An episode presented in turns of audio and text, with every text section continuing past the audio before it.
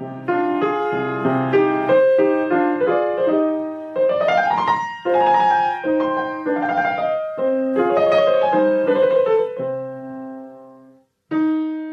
staan voor een van die oefenlokale by die Universiteit Stellenbosch se konservatorium waar jy in die agtergrond kan hoor hoe Megan Jeffrey Prins besig is om te repeteer. Hy het reeds 'n hele rits toekenninge en pryse agter sy naam en word alweer beskou as een van ons land se voorste opkomende pianiste. Vandag gaan ons hom beter leer ken. Ek het groot geword in Riverstal. Uh my ma het uh Unisa eksamens gedoen dink ek uh tot graad 7 en uh so die boeke het in die huis rondgelê en so so het my so toe sy my begin uh les gee. En uh, ek dink op ag het sy gesien dat ek 'n uh, sekere aantal talent het en my na die konservatorium toe gebring het om by Marionel les te neem. En ek het by hom les gehad tot 2005 en toe gaan ek na Nina Louis, uh, Nina Schumann en Louis Magalhaes en dit het gegaan tot 2013 en toe gaan ek oor see Cleveland toe.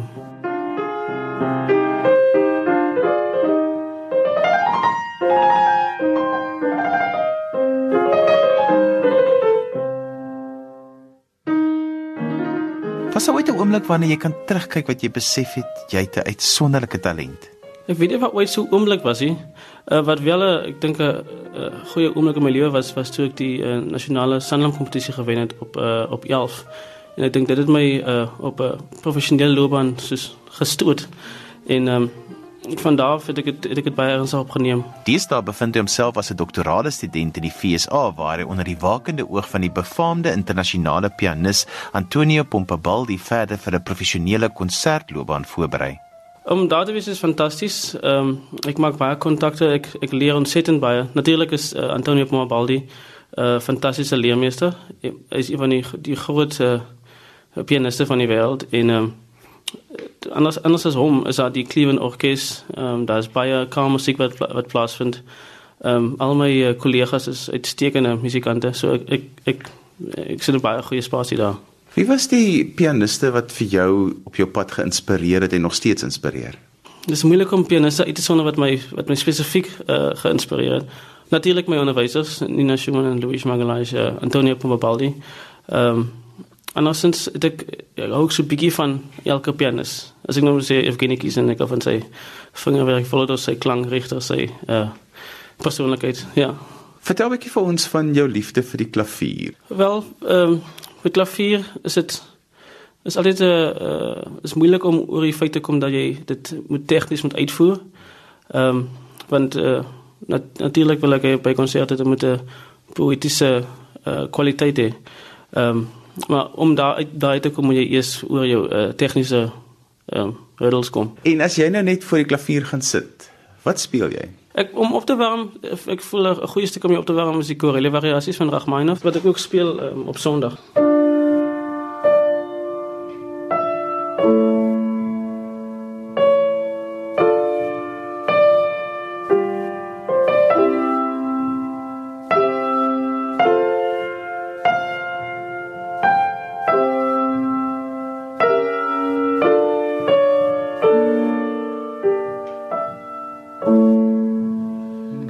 Ja, want so dit begin, dit begin so stadig en in die eerste variasie begin ek uh,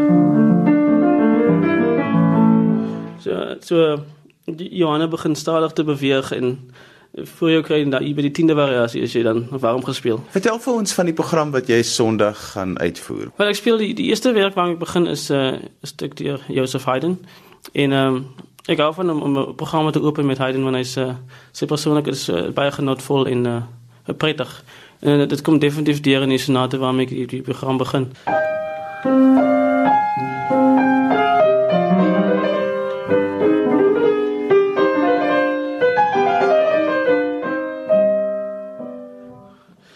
en dit is ook baie lyrisch, dus mense kan hoor.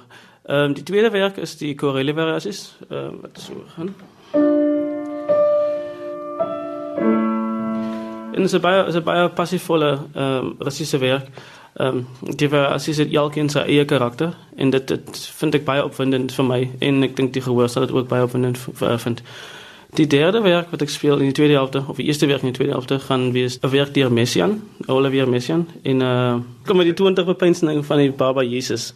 En het, wat ek baie interessant vind van die werk is dat dit my elke keer in 'n in 'n 'n 'n 'n ander wêreld toe ontvoer. Ehm um, en wat ook interessant is van Messian, hy was baie katholiek en ehm um, as mens so kan sê. En ehm uh, hy was ook baie geïnteresseerd in volklanke. Ehm uh, dis nou maar een van die dinge, een of twee van die dinge wat hy geïnteresseerd was. So in hierdie werk begin die begin dit amper soos 'n gesang aan die linkerhand. Wat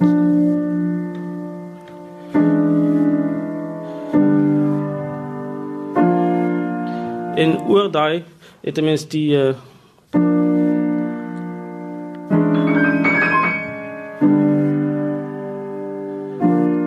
So dit is 'n 'n full tipe effekie bo.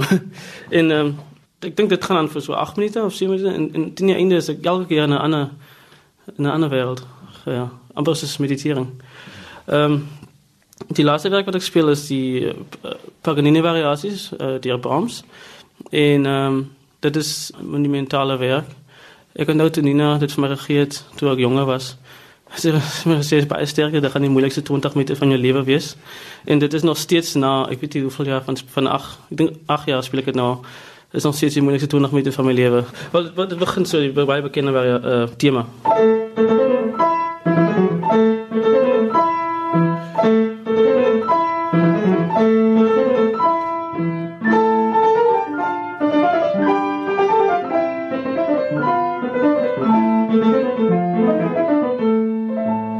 Sommer reg uit die eerste variasie is 'n uh, 6 is in die regterhand.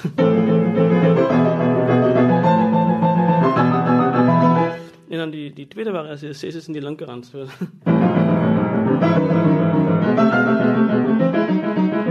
so seker bewegings vir die vir al vir albei en dan te, dan sou ook groot spronge soos 'n uh, uh,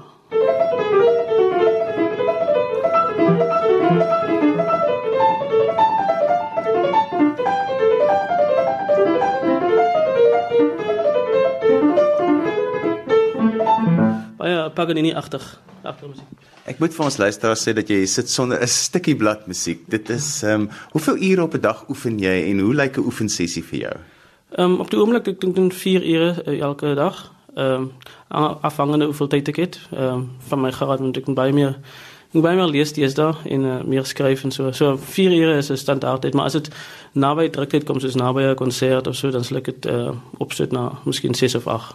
Wat is vir jou die bevredigende deel van wat jy doen want jy leef jou droom uit om 'n pianis te wees. Ek dink die mees bevredigendste ding van die musieklewe is om mense se lewe te raak en ehm um, as ek met mense praat na tyd of voor 'n konsert, ehm um, hoe dit hoe dit hulle affekteer om om om na die konsert te kom. Dis baie so baie lekker gevoel vir my. Watter invloed dink jy het dit op jou lewe gehad om op die platteland groot te word en nou is jy op die groot verhoog in die wêreld? Ek dink dit hou my voete op die grond. Ehm um, as jy mens na die stad gaan dan besef jy eintlik hoe hoe gelukkig jy was toe jy ehm uh, toe dit stil was rondom jou en jy kon um, op jou op jou werk fokus en in die mense wat jy ontmoet het en so aan. Wat het vir jou die groot deurbrake gegee in die lewe? Wat was daai oomblikke almal gewees? Ek dink die uh, een van die groot deurbrake was toe ek die Sanlam kompetisie gewen het op 11, uh, want dit my loopbaan natuurlik uh, baie meer professioneel geword as wat ek um, beplan het. Ehm van die ander uh, pryse wat ek gewen het, was 'n uh, prys wat ek gewen het toe ek op, op universiteit was. En ehm um, ek het uh, jaar 'n paar kompetisies gedoen, die Unisa nasionale kompetisie wat ek gewen het en natuurlik die uh, Stellenbosch internasionale kamermusiekfees kompetisie wat ek um, ook gewen het. Dis dis van die van die belangrike pryse in my lewe. Nou as jy daar in Amerika is en jy verlang terug na Suid-Afrika toe, waarna verlang jy? Definitief die kos. Ehm um, die kos is baie anders in Amerika. Die mense veral, die mense is is baie het voel warmer hier, uh, met mense met mense te praat. Maar ek het ek het baie goeie vriende gemaak op die oomblik in Amerika want ek was al daar vir 3 jaar of so. So dis hier, dis is 'n baie lekker plek vir my om te bly. En gaan jy ooit terugkom en wat lê in jou loopbaan vir jou voor? Ek wil definitief terugkom na Suid-Afrika toe. Ehm um, want ek voel dit is belangrik om 'n impak te kan maak ehm um, in die land. Ehm um, want ek was geseën deur baie mense om om oor see te gaan. Ehm um, so ek wil definitief kom terugploeg.